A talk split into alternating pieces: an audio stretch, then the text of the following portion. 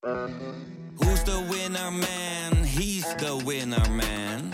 Is hij miljonair? Geen idee, maar nou en. Je hebt geen jackpot nodig to be a winner man. Oh oké, dat is wel lekker man. Van het enige varken in Afghanistan tot de spijbelpolitiek van Zweedse kinderen. De wereld, het boek dat wij samen met de Speld hebben gemaakt, is nu in de voorverkoop. Het is de meest betrouwbare landengids der landengidsen. Het beste boek dat je nooit mag gebruiken bij je eindexamen aardrijkskunde.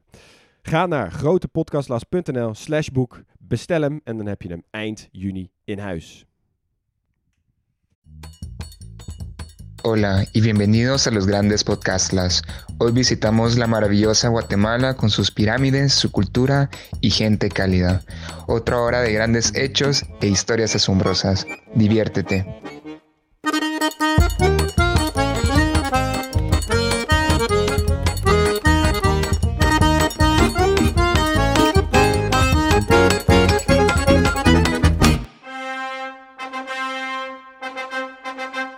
Vraag een schoolklas naar oude beschavingen en het zal niet lang duren voordat er Maya's genoemd worden.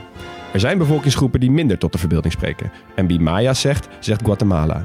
Tijdens ons onderzoek zijn we op zoveel kleurige klederdracht gestuurd dat het leek alsof we Rainbow Road aan het spelen waren. Verder zit deze aflevering ook vol met natuurschoon, zonneschijn, ruïnes en de Koude Oorlog. Hoewel dat helaas eerder een warme oorlog was. Wat we hierover kunnen zeggen is voorlopig dit. We hebben fruit nog nooit zo'n kwaadaardige rol zien spelen in de wereldgeschiedenis. Nu zijn we jullie wel een aflevering verschuldigd om dat eens uit te leggen. Ja, ik ben altijd wel fan van fruit. Maar, uh, Wat een binnenkomen. ja, maar uh, ik ben er wel een beetje aan gaan twijfelen. Ja, ik ben wat minder fan van warme oorlogen. Ik ben heel, heel benieuwd naar het verband uh, in een van jullie stukjes. Ja, volgens mij, dit is weer zo'n, dit is weer zo'n, zo'n land waarvan, als je dan onderzoek naar gaat doen, ik dacht, oké, okay, Midden-Amerika, land, geschiedenis, oké, okay, er zal weer Spaanse inquisitie zijn geweest of iets met een, met een dictator die is geïnstalleerd door de CIA. En de eerste dat ik doe is de history of Guatemala. Het eerste dat ik zie is Maya's. Oh ja, oh ja, shit, helemaal ja. vergeten, natuurlijk. Toen duurde je onderzoek even een halve dag langer. Precies, ja. ja. Toen moest ik wel even wat meer tijd inruimen voor, ja. dit, ge, voor dit gebeuren. Maar die CIA en die Koude Oorlog, die, die zijn er dus wel echt? Ja, alles is er, de rest was er ook nog gewoon. Ja, nee, daarom. Maar dat, dat wordt wel echt een heftig verhaal. Ja. Zijn wij, is een van jullie er ooit geweest? Nee. nee. Ik, ik ook niet. Nee, nee, dat is echt nog best wel een hiaat in mijn, uh, in mijn scratch map. Midden-Amerika? Midden-Amerika, ja. Ik zou, ja. Staat wel echt hoog op mijn lijstje. Ja, ik weet dat ik dat ook wel vaker zet, maar... Zijn er landen die niet hoog op jouw lijstje staan? Je, jawel. Vraag me nu niet te noemen welke, maar... Wat ook wel hoog op ons lijstje staat volgens mij is Zuid-Korea. Daar kregen we even een leuke reactie over binnen. Van Alexander, die, uh, die zei... joh, jullie hebben het over Guus Hiddink en dat hij daar nog steeds zo vereerd wordt. En hij stuurde even een fotootje mee van een, van een zalfje... wat ze dus na het sporten daar verkopen uh, in de apotheken. En uh, misschien ook wel in de rest van het, van het land. Maar daar staat dus heel groot Guus Hiddink op. Dus nou ja, als je al op een zalfje staat... moet je nagaan hoe groot die man daar nog is. Ja, en die foto hij staat ook met twee duimen omhoog. Dat is echt een fantastische foto. Ja. um, en wij kregen ook nog een heel leuk toevoeging van, van Loes van de Ven. Uh, zij vertelde naar aanleiding van de aflevering over Portugal... dat die grote aardbeving die we bespraken in 1755... dat dat de eerste aardbeving was die wetenschappelijk onderzocht is... en daarmee dus ook de bakermat is van de moderne seismologie. Uh, en ze wilden dus na die aardbeving wilde de regering zorgen voor bestendige gebouwen in het stadscentrum. Maar ja, ze hebben natuurlijk helemaal in 1755 helemaal geen technieken om dat te testen. Dus hebben ze een leger rondjes om het gebouw laten marcheren en zo een mini-aardbeving nagebootst. Ja, wat goed. Het is zo'n goed feitje. ja, inderdaad. Ja. Het is echt een goed kroegfeitje. Ja, echt. Dankjewel, Loes. En wie we ook even moeten bedanken zijn vier nieuwe vrienden van de show, namelijk Tom, Tobias, Clown Jury en Huub. Clown Jury. Ja, we hebben ja. toch al een paar mooie vrienden van de show gehad. Maar Absoluut. deze kan ik wel echt hoog in de lijst. ja, uh, welkom. Dankjewel jullie allemaal. Ja. Nou, laten we lekker doorgaan. We gaan uh, beginnen met, met Guatemala. Dus we beginnen even met het paspoortje. Hey, waar ligt Guatemala? Uh, Midden-Amerika natuurlijk. Van alle landen die in het hele smalle deel van Midden-Amerika liggen... is dit de meest westelijke en de laatste die je tegenkomt voor Mexico. Uh, Mexico, dat heeft, daar hebben ze ook de langste grens mee. En daarna even met de klok mee Belize, Honduras en El Salvador. En met Belize hebben ze wel een stukje betwiste grens. Maar even kijken of we er zo meteen nog over gaan hebben. Maar dat is ook op Google Maps ook zo'n stippellijntje. Ja, maar ik zag alles, de hele grens met Belize was stippellijntje. Ja, dus sommige verhalen gaan erover dat ze een bepaald deel van Belize vinden ze dat bij hun hoort. Maar sommige mensen vinden ook gewoon dat heel Belize bij hun hoort. Ja. Dus uh, nou, wel, uh, wel complex. Uh, grens trouwens ook even aan allebei de kanten aan de zee. Dus uh, aan, de, aan de Grote Oceaan en aan de Caribische Zee. Nou gaan we even door met de oppervlakte. Eh, Guatemala is 2,5 keer zo groot als Nederland. Eh, ongeveer net zo groot als Cuba. En het scheelt ook niet veel- met Zuid-Korea. Dus eh Oké, is het cirkeltje weer rond met, eh, met de leuke reactie die we kregen. hey, aantal inwoners 17 miljoen. Dus net zoals wij. Ja, ja. Oh, Nou, hoeveel wonen daarvan in de hoofdstad in eh, Guatemala stad? Guatemala City, hè, hoe, je het, eh, hoe je het wil zeggen. Ongeveer 5 miljoen, best een grote stad. ja. En andere mooie plaatsnamen zijn Quetzaltenango, Chiquimulia en even voor Mariano, eh, onze trouwe luisteraar die kritisch was op de uitspraak van, onze, van ons Spaans, El Progreso. Dat vet. betekent eigenlijk de voortgang of de vooruitgang. En laten we hopen dat dat symbolisch is voor, eh, voor, voor onze Spaanse uitspraak. Mooi, mooi. Hey, religie, eh 9 op de 10 mensen is christen. En wat uitzonderingen daar gelaten heeft de rest van de mensen geen religie.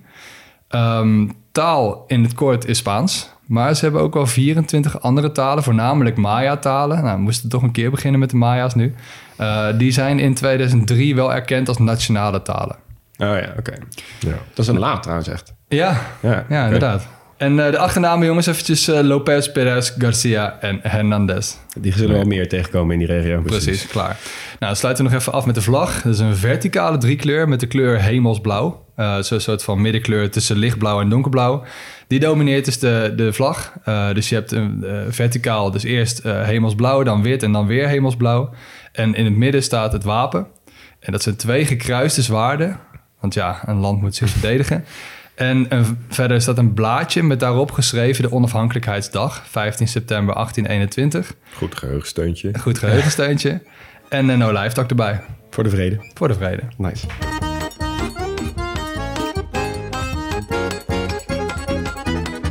We beginnen even met de bevolking van Guatemala. En ehm 56% is mestizo, dus gemengd Europees en oorspronkelijk. Alleen in Guatemala worden die mensen eigenlijk nooit mestizo genoemd, maar Ladino. Oh, Oké, dus om het niet makkelijk te maken. Latino, niet met, niet met een T, maar Ladino. Oké. Ehm, eh, zo worden die mensen dus aangeduid. Nou, dat zijn mensen met Spaans als moedertaal. Ehm, die andere 44% die bestaat eigenlijk eh, vooral uit oorspronkelijk bevolking. Waarvan dus het overgrote deel Maya is. Ja, Dat is echt veel. ja, dat is echt veel. Er is maar één land in de Amerika's met een hoger percentage eh oorspronkelijke bevolking. Vasteland? Ja, En je wilde van ons weten welke dat is? heel graag. Eh Nou ja, Bolivia? eh, Paraguay. Bolivia, oh, yes. ja. Ja. Ja, ja. 48% in Bolivia. Ja. En pas daarna, echt op grote achterstand, Mexico met 22%. Ah, dus ja. Ja. dat is echt wel heel bijzonder in Guatemala. Denk trouwens niet dat die Maya's een homogene groep zijn. Ehm Max, je zei al dat er dus heel veel Maya-talen zijn. Eh, ja, evenveel als het aantal volkeren. En die volkeren die hebben namen zoals Quiche, Kakchikel en Kekchi. Eh, vergeef me de uitspraak, maar het is duidelijk dat er in ieder geval veel K's, Q's, en CH's in zitten. Ik zag deze ook al staan op papier en ik dacht, er, oh Hug, veel Ja. succes. Ja.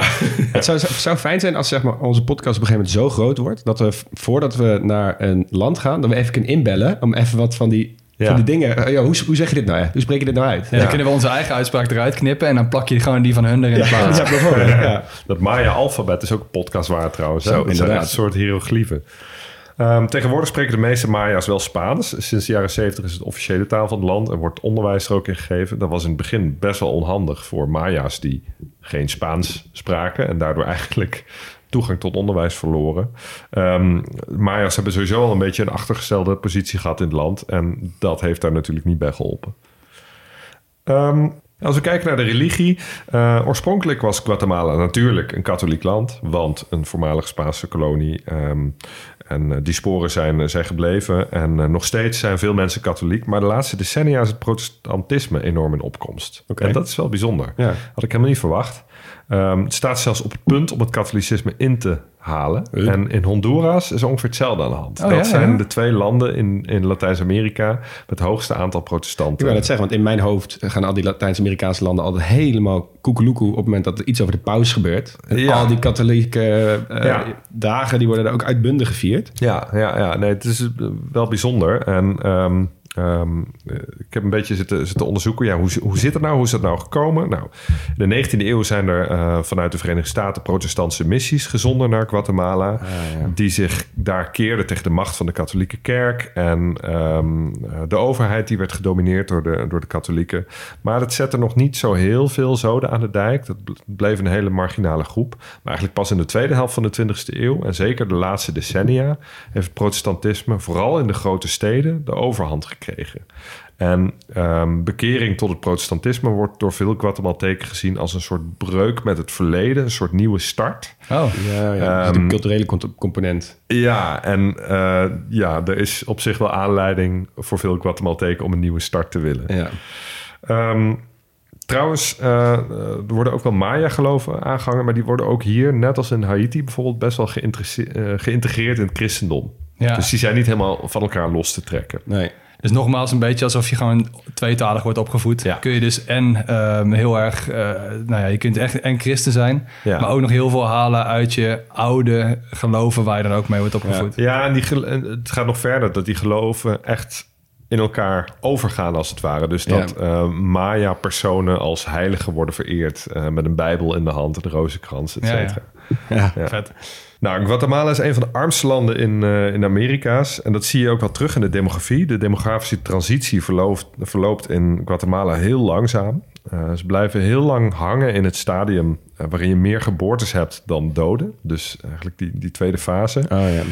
Uh, en dat heeft ervoor gezorgd dat ze in de 20e eeuw de grootste bevolkingsgroei hebben gekend, procentueel van het westelijk halfrond. Wow, oké. Okay. Ja, ik las dit inderdaad. Ja. ja. Dat is echt, dus, dat had, had, ik je niet gegeven. Nee, en die groei is nog steeds aan de gang. Het heeft nog steeds echt een hele jonge bevolking van rond de 20. Dus vergelijkbaar met, met de armste landen in Afrika eigenlijk. Wow. Nou, die armoede zie je ook terug in tamelijk slechte gezondheidszorg en een uh, behoorlijk hoog percentage analf analfabeten. Het hoogste van, uh, van Midden-Amerika. Zo.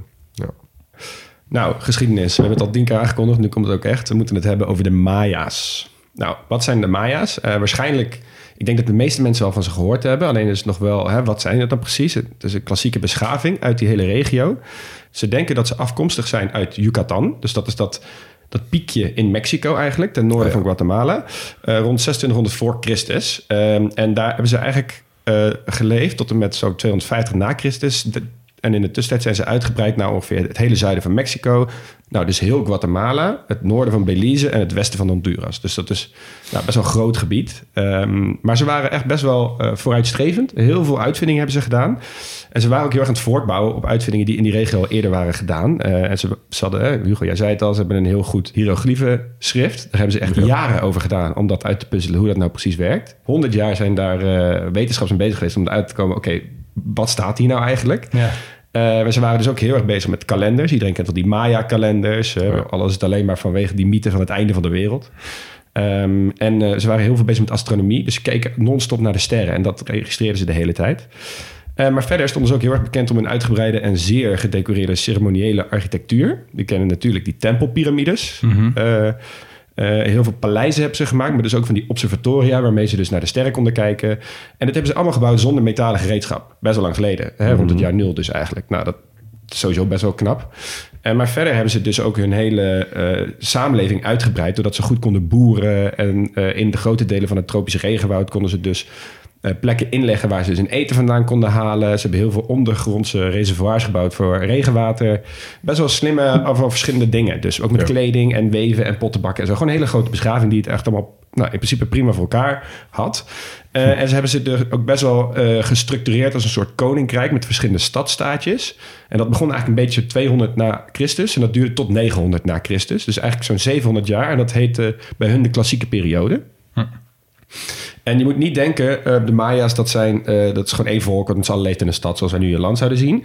Eigenlijk was het meer een soort uh, samenleving die bestond uit verschillende stadstaatjes en steden en dorpjes mm -hmm. tussendoor. Ja. En onderling was er wel handelscontact en contact. Maar je zei het net al, het heet ook de Maya's. Er zijn verschillende soorten clans en Maya's die daar eigenlijk in die periode leefden. Ja. Um, en eigenlijk wat dus, waar de Maya's ook wel bekend op staan, is dat ze dus rond het jaar 900 steeds meer verdwenen. En eigenlijk rond het, toen de Spanjaarden een beetje kwamen... toen waren eigenlijk de Maya's al helemaal uitgedund. Er waren bijna geen steden die meer overeind stonden. En, alle, en die Spanjaarden hadden geen idee wat er gebeurd was. Oh, dus dat is wel okay. even goed om te weten. Die Maya's ja. die zijn dus niet uitgeroeid door de komst van de Europeanen...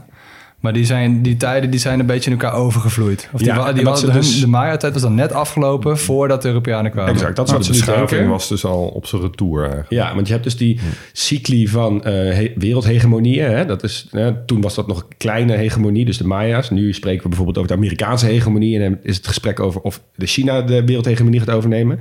Maar in de, eh, waarschijnlijk in het jaar 800, 900 na Christus... hebben zij zijn dus echt ten onder gegaan aan overbevolking... maar ook aantasting van het milieu. Hè? Omdat ze dus best wel, eh, best wel veel met het land aan het werk waren. Maar ze hebben dus ook heel veel met elkaar oorlog gevoerd, onderling, die stadstaatjes. Eh, en heel veel langdurige, of er was ook nog een periode van langdurige droogte. Dus ze denken dat dat nu, die combinatie van factoren, dus niet één aanwijsbaar iets, maar gewoon die combinatie heeft er gewoon voor gezorgd dat steeds de ene naar de andere stad eigenlijk viel. Nou, in de, niet helemaal wat jij zei, klopt Max, want er waren nog wel Maya's toen de Spanjaarden arriveerden. Hè. Rond de 16e eeuw arriveerden de, de conquistadores, zoals ze heten, de veroveraars eh, in het huidige Guatemala. En toen zijn ze wel in verschillende plekken, in verschillende steden, wel in contact gekomen met die Maya's. Hebben ze ook oorlog gevoerd. En daarover hebben ze nu ook de nationale held eh, in Guatemala eh, aan overgehouden. Ik weet niet of jullie de naam Tecún Uman iets zegt. Mij niet. Nee. Er gaat wel een belletje rinkelen. Ja, dat, dat was de laatste Kiiche prins van de Maya's. Dus van een van die eh, nou, stammen, laat ik het even zo noemen. Ehm, en het, het verhaal gaat dat zeg maar, toen de Spanjaarden zijn stad inkwamen... dat hij te strijd ging, versierd met een eh, heel pak met kostbare quetzalveren. En quetzal zal denk ik als een rode lijn door deze, door deze podcast lopen... want dat is die vogel eh, die bij hun op alles staat. Ehm, nationale vogel. hè? nationale vogel. Volgens mij heet hun valuta heet zelfs de quetzal. Dus moet je nagaan. Ehm, maar hij had een, een nagual. Dat is een dierlijke geestgids. En dat was dus zo'n quetzalvogel. Eh, en die vogel is helemaal groen. En de mannetjes hebben een hele rode borst. Ehm, er zullen wel een plaatje bij social set. Het is echt een prachtig beest. Maar goed, die Tecún, die ging dus de strijd aan met de conquistador Pedro de Alvarado. En dat was een van de grote bazen eh, van het hele Spaanse Rijk toen. Eh, en omdat ze elkaar aanvielen, toen zag Tecún hem zitten op zijn paard. En toen is hij naar hem toe gegaan. En toen wilde hij hem van zijn paard afslaan. Of hij wist niet dat paard en hij twee verschillende entiteiten waren. Maar toen wilde hij dat het paard steken. En die eh, Spanjaard, die conquistador, die zag dat. En die stak toen in één keer bam, een speer in de borst van Tecún. Nou, heel zielig. Hij is toen neergevallen en toen is die groene vogel op zijn borst gaan zitten om te eh, rouwen dat hij dood was gegaan. En daardoor hebben dus alle mannetjes, vogels, nu een rode borst. Omdat het onder de bloedgroep zit. Oh, wat een verhaal. Nou, het is, wat ik zei, hè, is eh, sinds 1960, dit is de nationale held van Guatemala. En die dag wordt dus nog elke dag gevierd op 20 februari. En wordt dan de moed en waardigheid eh, wordt gevierd die hij toonde tegenover de Spaanse veroveraars. Hij is een soort van martelaar of zo. Van, van Ja, het, zo eh, kan je het wel noemen, inderdaad.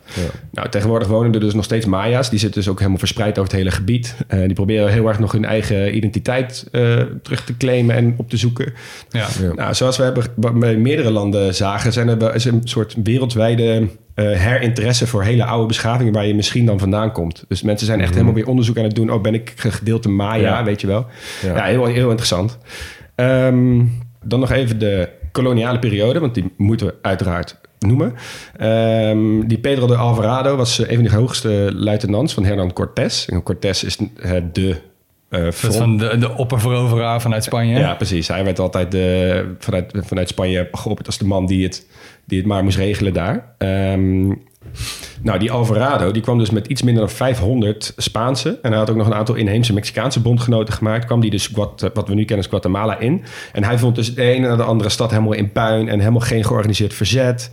Eh, dus zij zaten eigenlijk met allemaal vraagtekens van wat is hier gebeurd? Ja. En de Maya's die ze tegenkwamen, die konden ze ja, makkelijk aan in een gevecht. Omdat ze, zij hadden zwaarden, vuurwapens en paarden en zo. Die hadden die Maya's natuurlijk allemaal niet. Dus je kan je voorstellen, heel snel werd het al een onderdeel van Spanje. Eh, het werd een onderdeel van een rijk dat heet Nieuw-Spanje. Dat was dus een, eh, ja, een, rijk wat best wel groot was in die hele regio. Ja, dat was waar Costa Rica ook bij hoorde. Ja, precies. Maar in 1821 werd het onafhankelijk van Spanje. En toen werd het onderdeel. En ik wist niet dat dit een land was ooit. Maar het werd het, Guatemala werd het politieke centrum van het land. De Verenigde Provincies van Midden-Amerika. Oftewel de Federale Republiek Midden-Amerika. Vet. Wow. Ja. Dat Ja, is- dit is ook die grote staat die uiteindelijk verbrokkeld is in kleinere landjes, waar dus heel veel Centraal-Amerikaanse landen min of meer dezelfde vlag, eh, vlaggenkleur hebben. Ja, precies. Ja, dus die, die landen waar, die wij nu kennen als Guatemala, Honduras, El Salvador, Costa Rica en Nicaragua... waren allemaal onderdeel van deze federale staten van Midden-Amerika, zeg maar. Zo. Nou, dit experiment duurde niet heel lang. duurde tot 1838, dus ze hebben 17 jaar bestaan. En toen was het uh, Rafael Carrera, die uit Guatemala met uh, een aantal uh, lui de, de, de macht greep in wat we nu kennen als Guatemala. En hij noemde zichzelf president voor het leven. Nou, dat hebben we ook wel vaker gezien. um, daarna hebben ze ongeveer 100 jaar allemaal verschillende dictators aan de macht gehad. En het ging allemaal de ene keer wat beter en de andere keer wat minder. Maar waar ik even weer op wil pakken is bij Jorge Ubico. Hij zat in 1931, kwam hij aan de macht. En hij was eigenlijk geïnspireerd door heel veel andere dictators over de hele wereld om een politiestaat op te richten. Dus hè, geen vrijheid van pers en meningsuiting beperken. Um, en hij heeft best met harde hand geregeerd tot ongeveer 1944. En toen zijn er heel veel demonstranten op de been gekomen om hem te dwingen af te treden. Uh, en hij moest toen het land ontvluchten. En dit staat nog steeds bekend als een van de belangrijkste revoluties van Guatemala. Hmm. Uh, want daarna hebben ze dus gekeken, oké, hoe kunnen we democratie terugbrengen? Hoe kunnen we nou echt daadwerkelijke verkiezingen installeren? En Daaruit kwam in 1951 Jacobo Arbenz aan de macht. Uh, hij was een progressieve figuur uit die uh, revolutiebeweging. En hij heeft allemaal heel veel hervormingen ja. ingevoerd. Dus dat is eigenlijk de eerste democratische leider van, van het land. Ja. ja. en nu komt dus weer het verhaal waar in ieder geval Max en ik elkaar al over aankijken van wow, dit is echt bizar. Het dus, fruit. Ja, hou je vast. Nou, die Arbenz die heeft dus hervormingen in onder de titel Decreet 900. Uh, en het idee was, de grote stukken die al van verschillende bedrijven uit die regio waren, die heeft hij teruggepakt en die heeft hij gegeven aan de mensen die daar al van oorsprong wonen. Dus aan de inheemse mensen. Een van die bedrijven was het Amerikaanse United Fruit Company. Nou, en dit bedrijf heeft dus vet veel gelobbyd bij eerst de CIA. Toen kregen ze die aan hun kant. Daarna bij uh, de verschillende presidenten. Maar het was uiteindelijk Eisenhower die uh, ermee instemde. En Eisenhower heeft toen de CIA toestemming gegeven voor Operation Success. En dat was een plan voor een gewapende coup op die democratisch gekozen leider Arbenz. En dat gebeurde dus ook in juni 1954. Dus toen was hij drie jaar aan de macht. Nou, en de CIA heeft toen de Guatemalteekse kolonel Carlos Castillo Armas aangewezen. Oké, jij bent nu chef staatsgreep.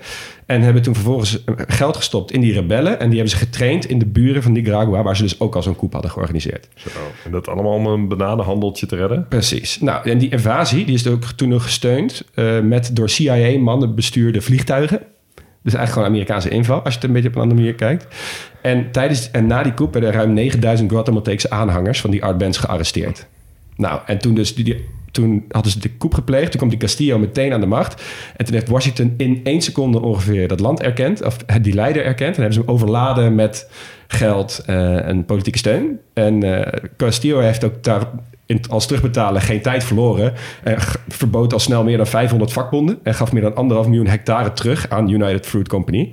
En andere grootgrondbezitters. Ja, dat is toch echt waanzin, joh. Dan heb je dus zo'n bedrijf dat zoveel macht heeft. En dan omdat er iemand is die hervormingen doorvoert, alleen het woord hervorming al, waardoor die, uh, die grond onteigent. Die grond werd helemaal niet gebruikt, hè? Nee. Uh, en dat gaf hij aan de lokale boeren. Ja. Dat ruikt al voor Amerikanen net na de Tweede Wereldoorlog naar communisme. Precies. En daar ja. gaan ze dus ingrijpen. Ja. Nou, echt waanzin. Dus die, um, die coup, um, die leidde ervoor de, de, de, toe dat die Armas, die was ook de nieuwe leider. Hè? Dus die, uh, die schreef daarna zelf verkiezingen uit. Uh, verbood al zijn tegenstanders. En uh, 99% van de stemmen ging naar hem. Nou, toen kon hij lekker blijven zitten in het zadel en werd hij dus ook de nieuwe president. Eigenlijk een soort marionet van de, van de VS die meer aan de leiband liep van, dat, ja. van de United Fruit Company dus. Ja, ja. Dus dat is eventjes de situatie waar we mee beginnen. Nou, dat, uh, Leon, jij zei al dat uh, decreet 900, hè, dat draaide hij dus meteen terug. En je moet je even bedenken, één op de zes mensen in Guatemala had dus een stukje land gekregen waar ze op konden boeren. Ja. En dat werd Oh, dus teruggedraaid. We inleveren. En, ja, moest je inleveren. En toen ging dat weer naar een heel groot anoniem Amerikaans bedrijf. Dus daar waren mensen niet blij mee. En uh, er kwam meteen al heel veel verzet. Tussendoor, die Armas die werd in 1957 vermoord door een lid van zijn eigen garde.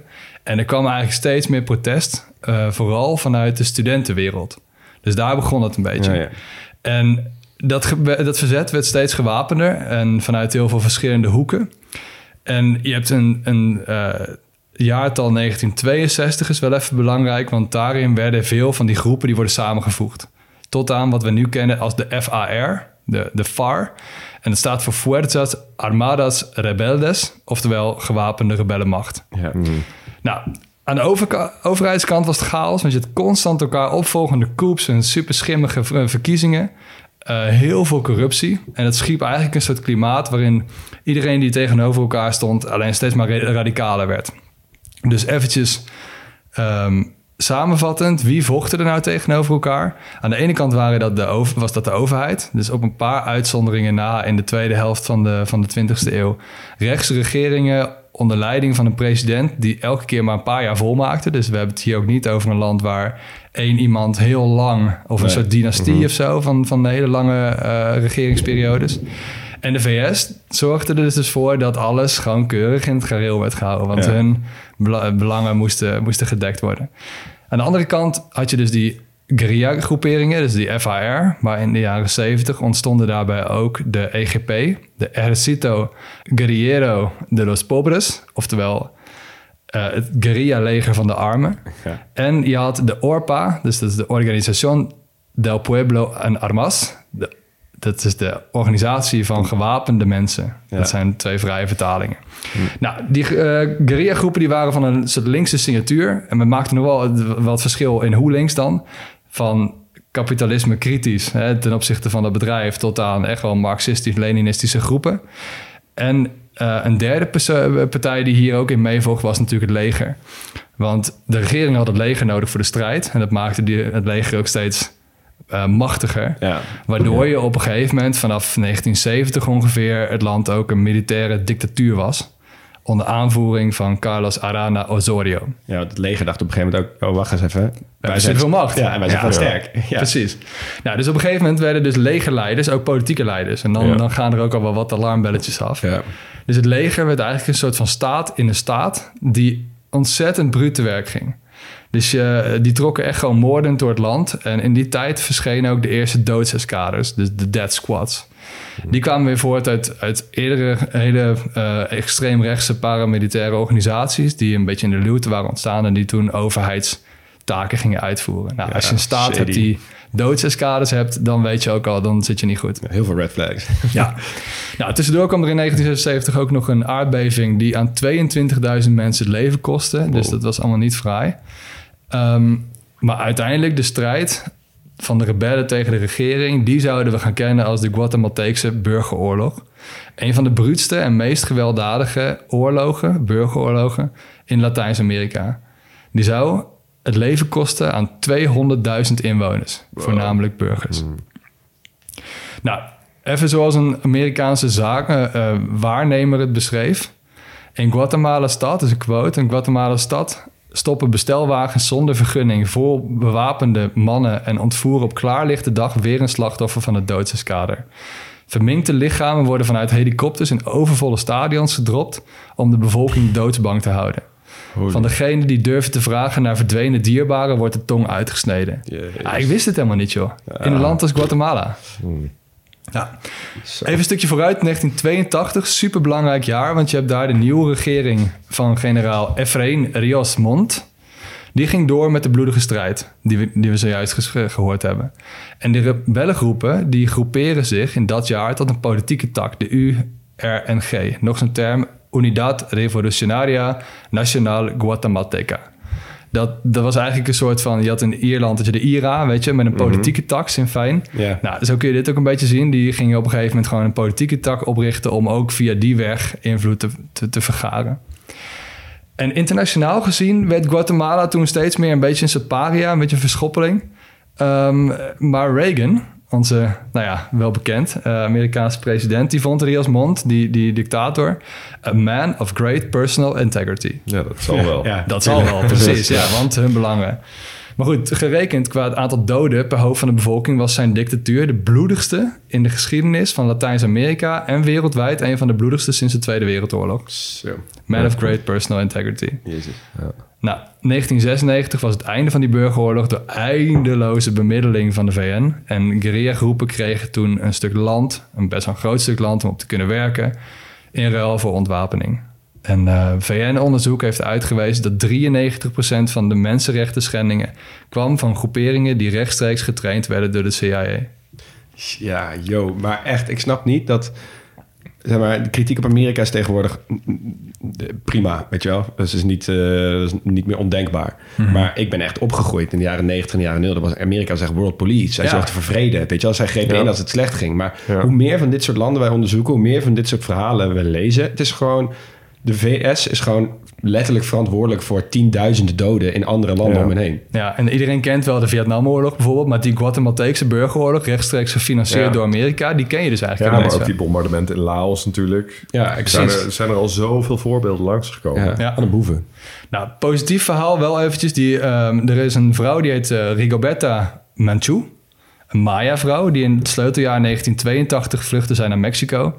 Die heeft haar, haar autobiografie geschreven en heeft vervolgens de Nobelprijs voor de Vrede gekregen. Ehm, haar voorganger was trouwens eh, Nelson Mandela, samen met F.W. de Klerk. Ah, Be- bevindt je in goed gezelschap. Maar zij klaagde acht bewindslieden en andere hoge lui aan. eh, met veel succes, want die Rios Mont, die grote dictator... die is toen strafbaar bevonden eh, voor de Guatemalteekse genocide. Zo is het ook echt wel gaan heten. Oké. Dus die zijn toen echt wel, wel bestraft. Maar eh, via heel veel trucjes hebben ze toch niet superveel van hun straf uit hoeven zitten. Ze waren ook al best wel oud toen dat gebeurde. Maar goed, eh, dat was wel echt het eind van de burgeroorlog 1996. Nou, sindsdien is het een redelijk stabiel land met voornamelijk rechtse tot centrumrechtse regeringen. Ja. Maar van de burgeroorlog is nu niet echt meer sprake. Nee. Ja. Oh, en er is nog even één klein feitje over die United Fruit Company. Die kennen we tegenwoordig onder de naam Chiquita. Ja, ja. En dat is gewoon een soort samenvoeging geweest met een ander bedrijf. En dan krijg je ineens een nieuw bedrijf. En die, daar kopen we dus elke dag onze bananen van.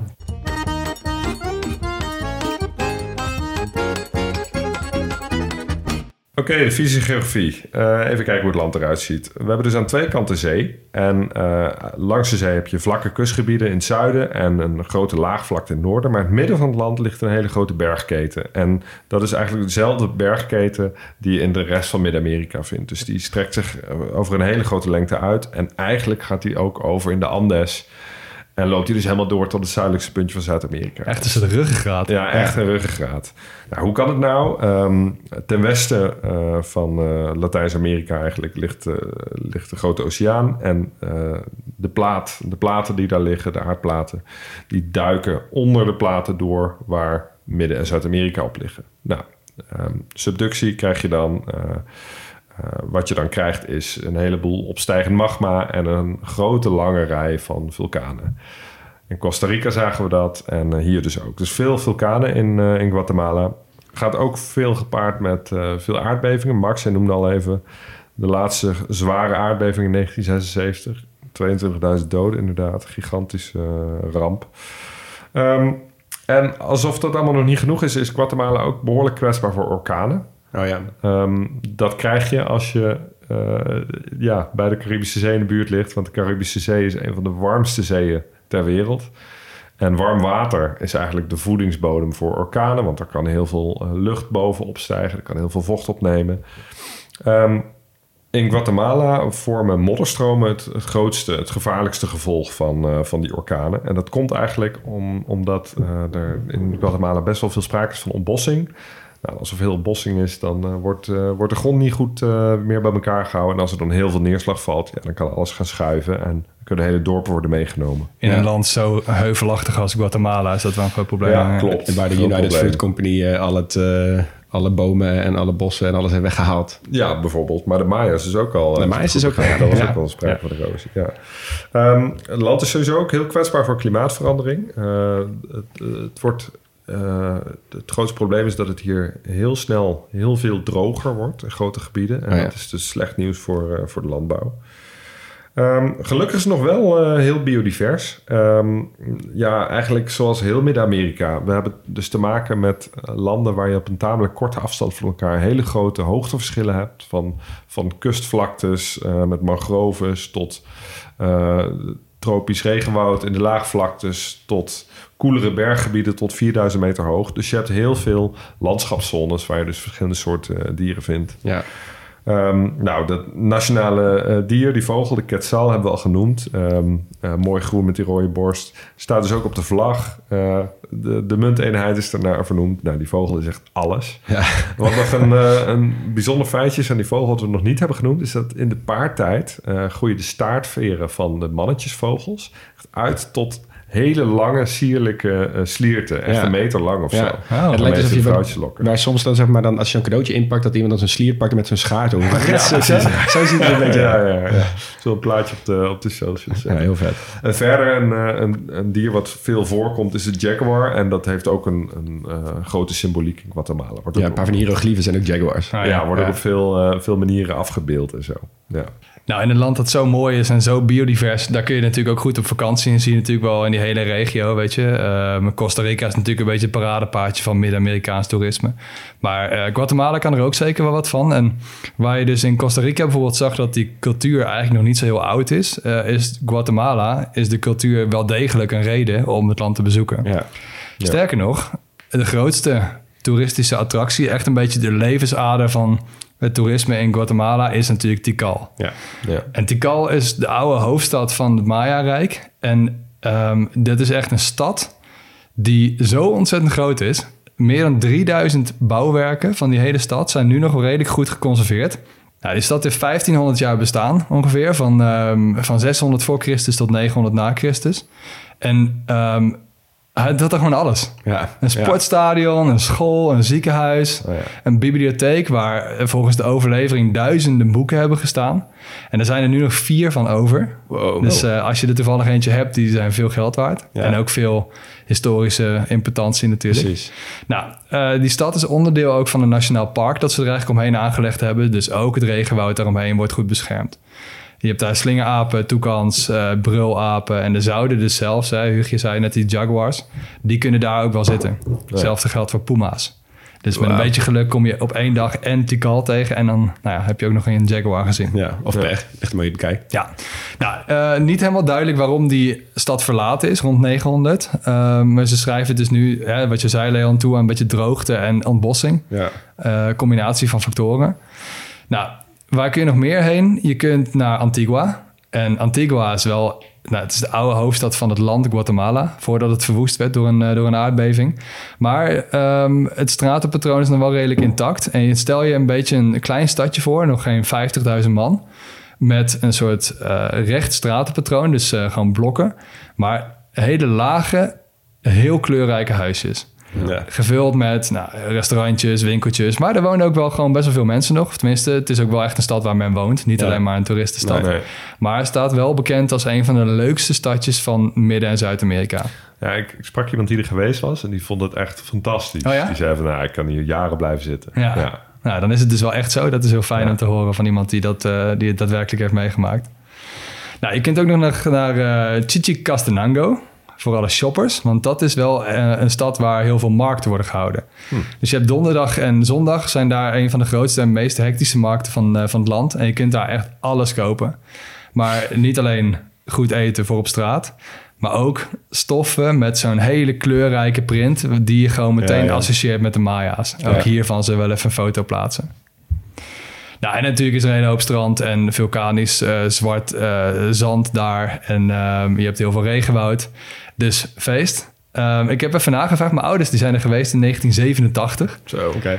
En ik heb dat altijd gewoon geweten. Van. Ik dacht, ja, die zijn er gewoon een keer geweest. En toen zat ik allemaal dingen over die burgeroorlog op te zoeken. Ik dacht van, wat is dit joh? Ze zijn daar geweest tijdens die burgeroorlog. Ja, maar het was wel redelijk veilig, zeiden ze toen. En eh, die gids die, die ze hadden, die wisten wel welke afslagen ze moesten nemen... zodat ze niet beroofd werden en zo.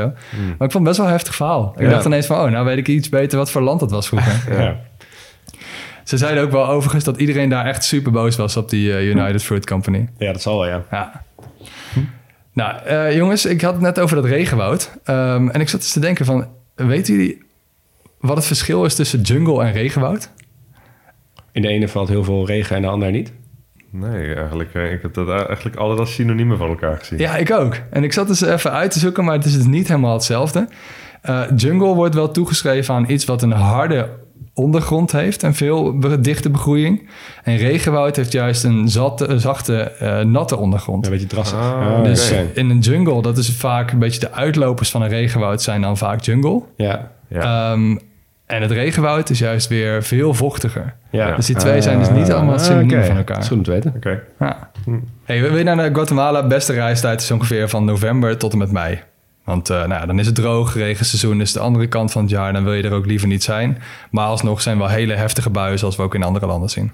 Dus je kunt er op zich wel het hele jaar heen. Maar eh, november tot en met mei is het beste. Ja, ik sprak dus iemand die was er in het regenseizoen.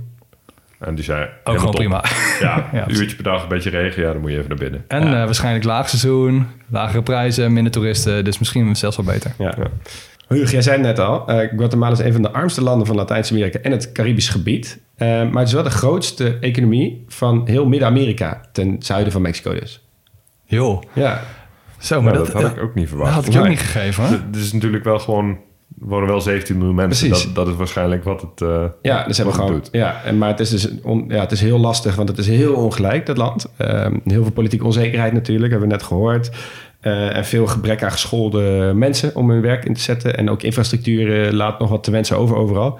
En ze zijn dus ook voor bijna een tiende van het BBP afhankelijk van, eh, van die remittances. Van het geld overmakingen vanuit het buitenland. Ja, dus ja. dat zijn waarschijnlijk mensen dan die dan of in Mexico of in de VS werken... en dan geld terugsturen naar hun gezin in Guatemala, Ja, zeg maar. Zagen we natuurlijk in Sri Lanka, maar ook heel erg in Lesotho bijvoorbeeld. Ja, en wat dus ook grappig is, ehm, er is dus heel weinig overheidsschuld. En de, het begrotingstekort is dan ook historisch gezien eh, een van de laagste en meest stabiele wereldwijd. Dat zijn van die Ja. rare dingen. Ik, ik ben geen econoom, maar die dingen die, in mijn hoofd klopt dat gewoon niet. Maar ja, als zij gewoon weinig lenen eh, en ze geven ook weinig uit aan bijvoorbeeld infrastructuur, sociale zekerheid, dat soort dingen. Ja, dan heb je in principe weinig overheidsschuld, gok ik. Ja. Ja. Nou, wat je hier dus ook veel ziet is maquiladoras. Dat zijn die eh winkeltjes die we in Paraguay al behandeld. Had jij volgens mij in, Ja, Paraguay. in Ja. Paraguay hadden we het al behandeld.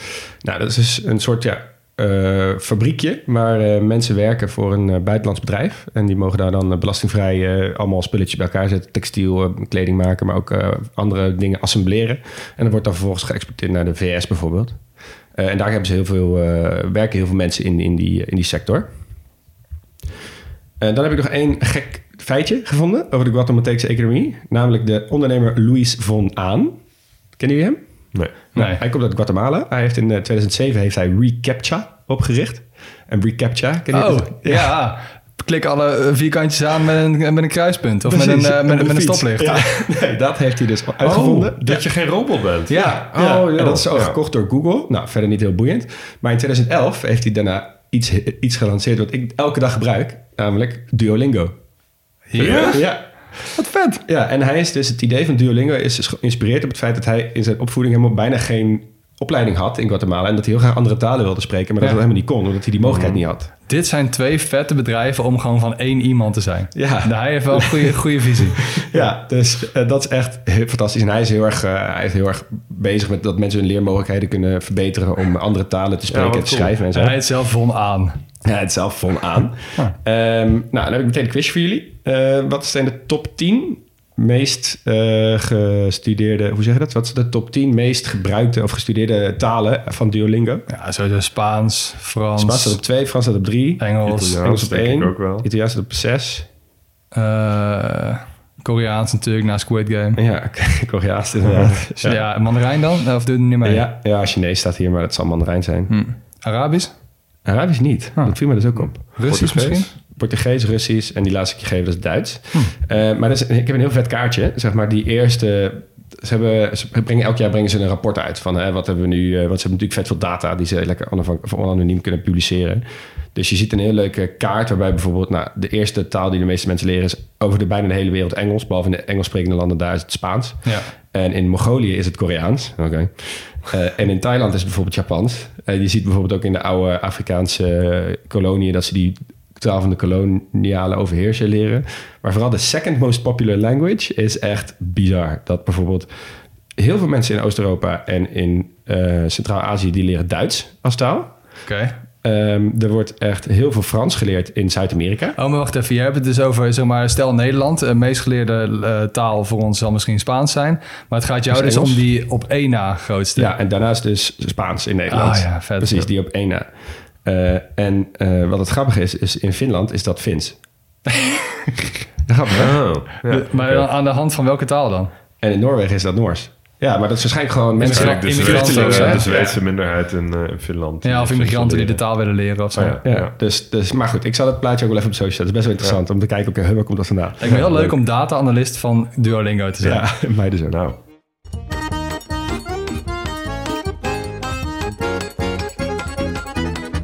Oké, laatste hoofdstukje. Beginnen met kunst. En eh, even, even eerst naar muziek. Het nationale instrument van Guatemala is de marimba. Dat is een soort grote xylofoon waar je met meerdere mensen tegelijk op kan spelen. Gezellig. Ja, dat is heel gezellig. Het is oorspronkelijk gespeeld in Afrika. Um, waarschijnlijk meegebracht door tot slaafgemaakte Afrikanen richting de Amerika's. Sindsdien daar overgenomen door de Maya's, maar ook de Ladino's. En eigenlijk populair in, in heel Amerika. Maar in Guatemala dus echt het nationale symbool. Oh, oh, is dat diegene die een beetje zo oploopt aan beide kanten? Nee. Oh. Niet een soort van bootje, dat dacht ik Nee, nee, nee. Het is, uh, het is wel echt een vlakke uh, xylofoon. Vaak worden ze gecomplementeerd in een band met slagwerk. Uh, soms een contrabas, een blaasinstrument. We oh, gaan een stukje luisteren. Ja.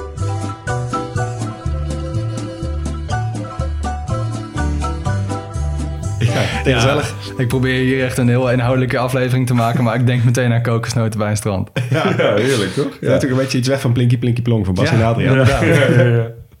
Um, als we het hebben over popmuziek, is de uh, verreweg de beroemdste muzikant is Ricardo Arjona. Uh, Singer-songwriter en populair in heel Latijns-Amerika. Um, je moet er een beetje van houden. Het is, het is een beetje zoet. Het is een beetje balladachtig vaak. Maar, maar hij is ongekend populair. Ik ken hem niet, maar willekeurige Latijns-Amerikaan zal hem wel kennen.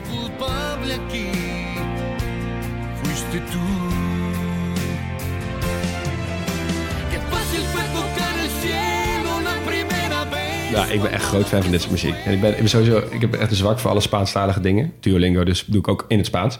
Maar ik zet dus regelmatig gewoon, uh, zeg maar... Heel veel Nederlanders die hebben als de lente aanbreekt... dan gaan ze de nationale Buena Vista Social Club dag doen... en dan hoor je overal Chan Chan uit de ramen. Ja. Maar als je even een slagje verder maakt in de Spaanstalige muziek... dan kom je zoveel mooie dingen tegen. Hè? Het, is echt, het kan veel verder gaan dan alles wat iedereen... alleen maar Manu Chao en uh, Buena Vista Social Club ja, Ja, maar goed, uh, heel veel Latijns-Amerikaanse muziek... die swingt wel echt. Ja. Maar uh, dit niet echt. Nee, dit swingt niet. Maar je moet niet vergeten hoe groot die business in Latijns-Amerika ja. is. Echt, van al die Colombiaanse artiesten, maar ook Puerto Rico. En wat dat was toch zo'n nummer, uh, Latin nummer, dat dan echt een record had qua aantal streams. Iets ja, van 189 miljoen binnen een dag of zo. Ja. Nou goed, het dwalen af. Oké, gaan we even naar de filmwereld. Want uh, ze hebben ook wel wat beroemde acteurs voortgebracht. Oscar Isaac is ongetwijfeld de beroemdste. Hij is uh, geboren in Guatemala, maar opgegroeid in Miami. Ja. Wil, jij kent hem goed. Ja, hij, hij zit in die uh, nieuwe, nieuwste drie series Star Wars films. Speelt hij een beetje de, de hoofdpersoon. Um, en hij zit in de nieuwste Marvel series. Ik ben groot fan van Marvel. Moon Knight, waar hij de hoofdrol speelt ook. Ja, hij is wel echt, hij, echt een bekend, bekend gezicht. En een wat jongere acteur uit Guatemala is Arturo Castro. En die is recentelijk uh, vooral bekend geworden van, van zijn rollen in series Broad City en Narcos. Ah. Um, nou, Guatemala staat natuurlijk ook bekend om de, de cultuurinvloeden die de Maya's hebben voortgebracht. We hebben het al even gehad over de kleden. We hebben het al gehad over de, de architectuur met die prachtige tempels. Um, die waren rijk versierd, ooit ook fel gekleurd. Kennen ze nu hè, als, Oh ja, ik, ken zeggen, ik ken ze nu als ja. soort grijzig, beetje ja, klopt, klopt, klopt. Ja, de verf is eraf. Maar ooit waren, waren die tempels heel rijk versierd. Griekse oh. tempels trouwens ook. Dat kan je ook haast niet Oh nee, dat is goed om te weten. Ja. Um, Net als mijn overtuiging altijd dat als je foto's van vroeger ziet, dat je denkt dat de zon nooit scheen. Ja, dat is alleen maar zwart-wit. Zwart-wit was, ja. Klopt, ja. Um, wat ook heel rijk gedecoreerd altijd was, dat is de koloniale architectuur van de Spanjaarden. En die ah. vind je ook nog heel veel terug. Nou, in Antigua bijvoorbeeld, maar ook in, in Guatemala stad zie je die nog. Um, en dat, dat, die rijke versieringen hadden ook echt wel een functie. Want um, je moest toch als Spanje zijnde de, de lokale bevolking een beetje imponeren en laten zien hoe groot en machtig en goed je rijk wel niet was. Um, en dat gold eigenlijk ook voor de katholieke kerk. Want ook die kerken in Latijns-Amerika, die zijn allemaal helemaal vol met. Ja. Um, in de 20e eeuw uh, vond je in Guatemala ook een uh, grote interesse voor het brutalisme. Uh, net als op veel andere plekken in Latijns-Amerika. Ja, zoals aan deze tafel. Worden twee toehoorders wakker hier. Ja. ja. Wat? Ik zie jullie ineens opkijken. Zei iemand brutalisme? Helemaal ingedut tot hier. um, ja, inderdaad. Brutalisme, ja, op een of andere manier slaat het altijd goed aan in Latijns-Amerika. En in Guatemala staat ook een schitterend voorbeeld. Namelijk het uh, Centro Cultural Miguel Angel Asturias. Het is een theatercomplex uit de jaren 70. Het is... Ja, fantastisch gebouw, zoals je verwacht van een brutalisme met enorm veel beton en glas en een bijzondere vorm. Het zou een zittende, zittende Jaguar moeten voorstellen. Ik zie het er niet helemaal in, maar we zullen het op de social zetten en eh, oordeel zelf. Ik vind het altijd wel vet, dat brutalisme, dat daar ook echt heel veel ideologie achter zit altijd. Ja, klopt. Ja. En je moet het wel weten. Ja. Niet dat wij kennis zijn, maar wel liefhebbers. Nou, de keuken. Ehm, eh, eigenlijk is het, de eten is natuurlijk heel erg een Maya-keuken met Spaanse invloeden. Zoals ook in, eh, in de architectuur en de kunst hebben gezien. Dus dat betekent veel bonen, veel pepers, eh, veel mais. Eh, Ze hebben heel veel verschillende soorten groenten en fruit natuurlijk. Wat we in landen zien met vruchtbare gronden, met veel regenval, warme temperaturen. En qua vlees eten ze eigenlijk ook alles. Rundvlees, kip, varkensvlees en soms ook kalkoen. Maar ik wil even, even een overzichtje maken van een aantal dingen die ik tegen ben gekomen. Echt, het water liep me in de mond bij het opzoeken van dit hoofdstukje. Je hebt dus de tostadas. Dat is eigenlijk het uh, Guatemalteeks eh, street food. En dat is dus niet zijn soort tortillas, maar niet op de manier hoe we ze kennen uit Mexico. Wat ze doen is ze hebben zo'n tortilla, die, doen ze, die mikken ze in de oven of die roosteren ze. En dan halen ze eruit en dan smeren ze als een soort boterhammetje. Met bijvoorbeeld avocado of met eh, paprika spread of peper spread of bonen spread, dat soort dingen. Ja. Dus dat is een soort snacky street food. Echt volgens mij, nou, daar kan je niet mis aan gaan als je het mij vraagt. Eh, en iets anders wat je heel veel hebt, maar dat heb je ook sowieso heel veel in Amerika. Tamales. Ja, die pakketjes. Die pakketjes. En je hebt echt dan verschillende soorten pakketjes. Nou, voor de mensen die dit niet kennen, het is eigenlijk een pakketje van mais. Eh, het ziet er echt schattig uit als een soort cadeautje. Ehm, en daarin zitten dan verschillende soorten vlees of kaas of fruit of groenten. Eh, eigenlijk zitten altijd wel mais en bonen in, veel paprika's en veel pepers. Ehm, eh, Guatemala heeft eigenlijk vier soorten tamales. Ze hebben Colorado, eh, dat is rode. Tamalo negro, dat is zwarte. Chuchito en tamalito. En dat zijn allemaal weer net iets andere eh, pakketjes. Nou, volgens mij als je dit op straat tegenkomt... kan je hier echt niet aan misgaan. Dit ziet er echt fantastisch lekker uit. Die Tamal Colorado, die zijn populairst. En die worden vrijwel elke zaterdag, heb ik gelezen... door veel Guatemalteken gegeten. Ik weet niet, ik heb echt onderzoek gedaan naar waarom Saturday. Ik heb geen idee, maar het een soort zaterdag streetfood dag volgens mij. Nou, Oké. Prima bij. Moet je wel zorgen dat je daar, dus als we toch één dag zometeen er zijn, Ja, wel op zaterdag. Ja, ja precies. Ehm, even kijken. En verder is het heel goed om te vertellen dat eh, een van de allerlekste dingen uit de wereld uit Guatemala komt. Ja, chocola, hè? Chocola. Echt? Ja. Nou, het komt niet traditioneel dat de cacaoboon daar vandaan komt, maar ze zijn, de Maya's waren wel de eerste die die cacaoboon echt consumeerden in de vorm van ja, een drankje. Dus Oh, ja. een soort chocoladedrankje. Oh, ja, ja. Ja, want het ook, er zit wel een beetje cafeïne in natuurlijk. Of tenminste eh, wel iets oppeppends. En dat is ook wel oorspronkelijk de functie volgens mij. Dat ze dat begonnen te verbouwen. Ja, wat ze deden was, ze ze gingen die cacao roosteren en dan maakten ze er een koude pittige drank mee. Eh, en dat is uiteindelijk, hebben die Europeanen met dat mee naar huis genomen natuurlijk. En daar hebben wij eh, chocolade, echt repen en zo van gemaakt. Ja. Maar ze gebruikten die cacaobonen ook als betaalmiddel. En de, eh de cacaoboon had ook een eigen god. Ekchua, dat is de Maya-god van kooplieden, handel en de beschermheilige van de cacao-oogst. Zo. Ja. Vet. Ja, en dan is nog één, echt, hier heb je heel weinig aan. Bij dit feitje ga je misschien ooit nog een keer onthouden. Eh, er is één, eh, eigenlijk heb je twee soorten avocado-soorten. Eentje daarvan is de has-avocado. En dat is degene die wij eigenlijk allemaal eten. En die komt dus van een mix van een Guatemalteekse avocado en een Mexicaanse avocado. Dus als je in Guatemala bent en je vertelt ze... hey, chocola komt uit jullie land, maar de avocado ook... dan zullen ze je heel tevreden aankijken. Ah ja, Goed. daar maak je vrienden mee. Ja, precies. hey, wat ik verbroederd. Lekker. Sport, tuurlijk. Hey, eh, Olympische Spelen, eh, toppunt van een sporthoofdstukje. Nou, wat, eh, wat denken jullie? Ik vraag weinig, denk ik. Ik, ik, denk het ook niet. Misschien een keer zilveren medaille met voetbal. Ze hebben echt één keer zilver gewonnen, inderdaad. Dus eh goede gok. In 2012 in, in Londen. Maar ook een sport waarvan ik niet had gedacht dat ik ooit nog in een podcast over zou hebben. Moderne vijfkamp. Noem eens wat. De moderne vijfkamp. Nee, nee, één sport. Speerwerpen. Nee, Kogelstoten. nee, Taekwondo. nee bijna. S- Snel wandelen. Oh, joh. Ja, ja, want Erik Barondo eh, heeft daar dus op 20 kilometer zilver gewonnen. Eh, hoe lang doe je erover, denk je, als snelwandelaar? 20 kilometer? 20 kilometer. Eh, ik denk eh anderhalf uur. Ja, zoiets. Meer of minder? Ik denk iets minder. Uur en een kwartier? Uur en 18 minuten, lekker. Wow. Oké. Maar best snel. Goed gedaan. Nou, eh, hoe werkt die sport nou? je moet gewoon lopen, maar niet zo snel dat het rennen wordt. Dus je hebt twee regels eigenlijk, maar je knie moet altijd gestrekt zijn zodra de voet de grond raakt. Probeer je dit ook even niet voor te stellen, maar denk hier even op een rustig moment over na. en je moet voortdurend contact houden met de grond. Maar goed, zo'n wedstrijd, daar doen vet veel mensen aan mee. Dus hoe moeilijk is het om constant op te letten of mensen niet toevallig een keer de grond, de grond niet meer raken? Daar heb je dus een jury voor en die controleert daarop. Maar de jury mag de beelden niet stilzetten. Oh, oké. tijdens de wedstrijd. Omdat anders, er wordt aan de lopende band vals gespeeld. Ah, en anders zou echt iedereen eruit gegooid worden. dus het is mooi hè, dat je gewoon een sport bedenkt die gewoon zo moeilijk is dat de, Ja, de jury de, de, de regels krijgt. Maar waarschijnlijk bewust, bewust en onbewust vals spelen, denk ik dan. Ik hoop trouwens ook dat er mensen zijn die deze podcast luisteren nu die hardlopen en even gaan proberen snel wandelen. ja, precies. Dus de Ja, regels worden niet gehandhaafd, omdat anders Anders wordt het moeilijk. iedereen Ja. gedisqualificeerd wordt. Ja. Maar het lijkt mij dus ook gewoon heel moeilijk. Dat ik bedenk, alle individuele sporten zijn allemaal sporten waar je gewoon tot het uiterste moet gaan. Maar hier mag je juist niet tot het uiterste gaan. Nee. Je moet jezelf inhouden. Dat is Ja. heel gek. Nou, ehm, wel de meest succesvolle sport. Natuurlijk niet de meest populaire sport, want dat is voetbal. Maar ja, ze winnen ook nooit wat. Dus ze zou zeggen, zijn we snel klaar. Is op zich ook wel zo, maar eh, Guatemala is belangrijker voor het voetbal dan dat de meeste mensen denken. Want de Maya's, die hadden ook al een soort van oervoetbal. Ja, ik heb het Dus, gelezen. Ja. eh, nou ja, afhankelijk van hoe creatief je wil omgaan met definities, zeggen de Guatemalteken dat zij de uitvinders zijn van het voetbal. Dat lijkt me wel een beetje gortig, maar eh, er is een sport die noemen we ook een beetje, wel best wel veel verschillende namen, maar Pok Tatok Ja. wordt het ook wel genoemd. En al die Maya-steden, zoals Tikal ook, die hadden dus zo'n veld. En ook bijvoorbeeld de Azteken, die speelden het ook. Dus er was wel redelijk wat uitwisseling. Maar eh, denk even een soort speelveld met een muur en een grote rubberen bal van 5 kilo.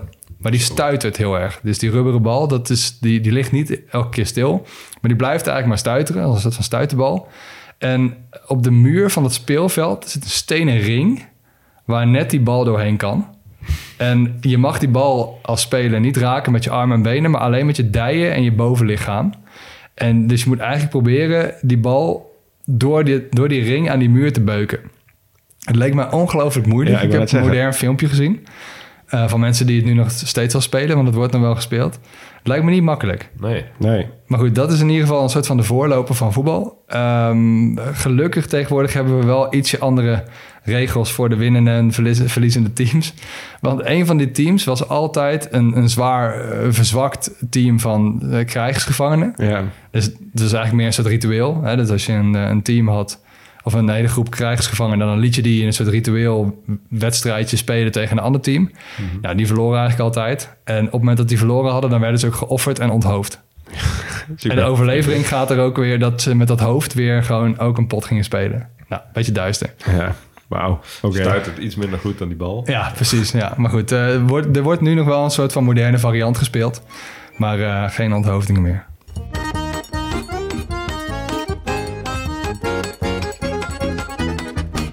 Nou, dan zijn we eigenlijk komen bij de eindvragen. Eh, en die gaan we een klein beetje anders doen. Want eigenlijk vinden we de vraag van de kleine podcastlas... eh, wat maakt dit land uniek? eh, leuker om te stellen. Dus we doen nu... eh, daar beginnen we mee met die vraag. Wat maakt dit land uniek? Ja, dan ga ik het super cheesy antwoord geven. Natuurlijk de Maya's. Ja. Maar ik vind die Quetzalvogel ook eigenlijk al vet.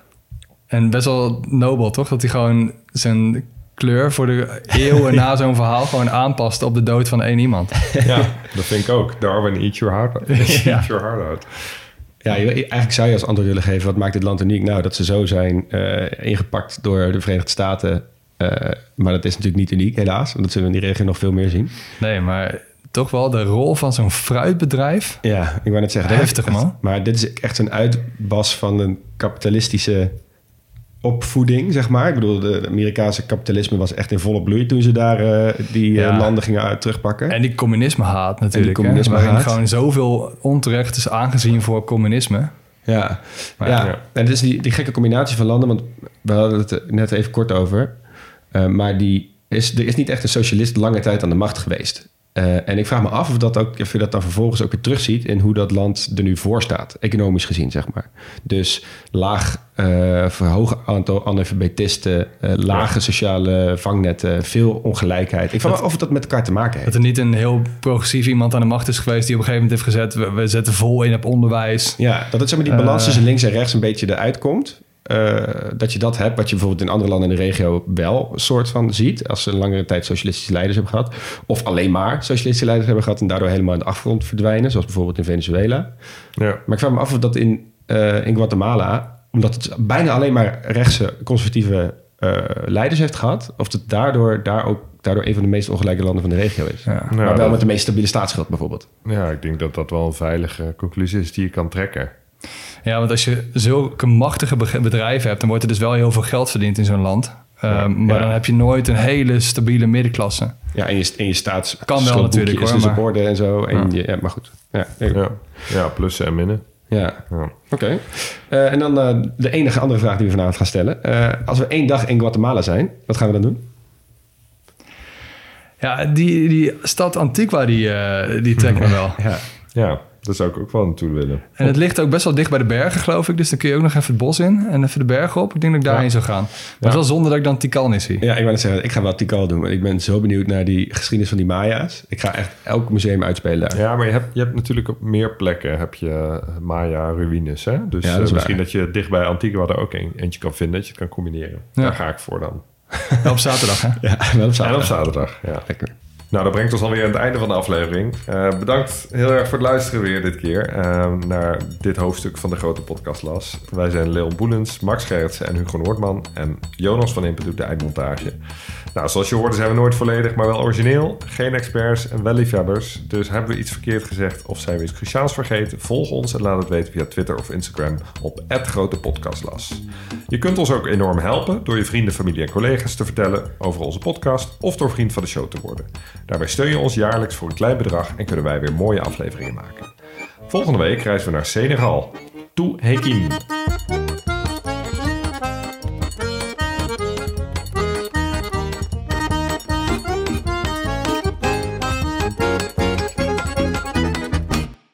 Luisteraar, luister je nog steeds? Klasse man, je hebt er gewoon helemaal afgeluisterd. Nou, nu je tot hier bent gekomen, koop dan ook gelijk even ons boek hè. grotepodcastlas.nl slash boek. Doei!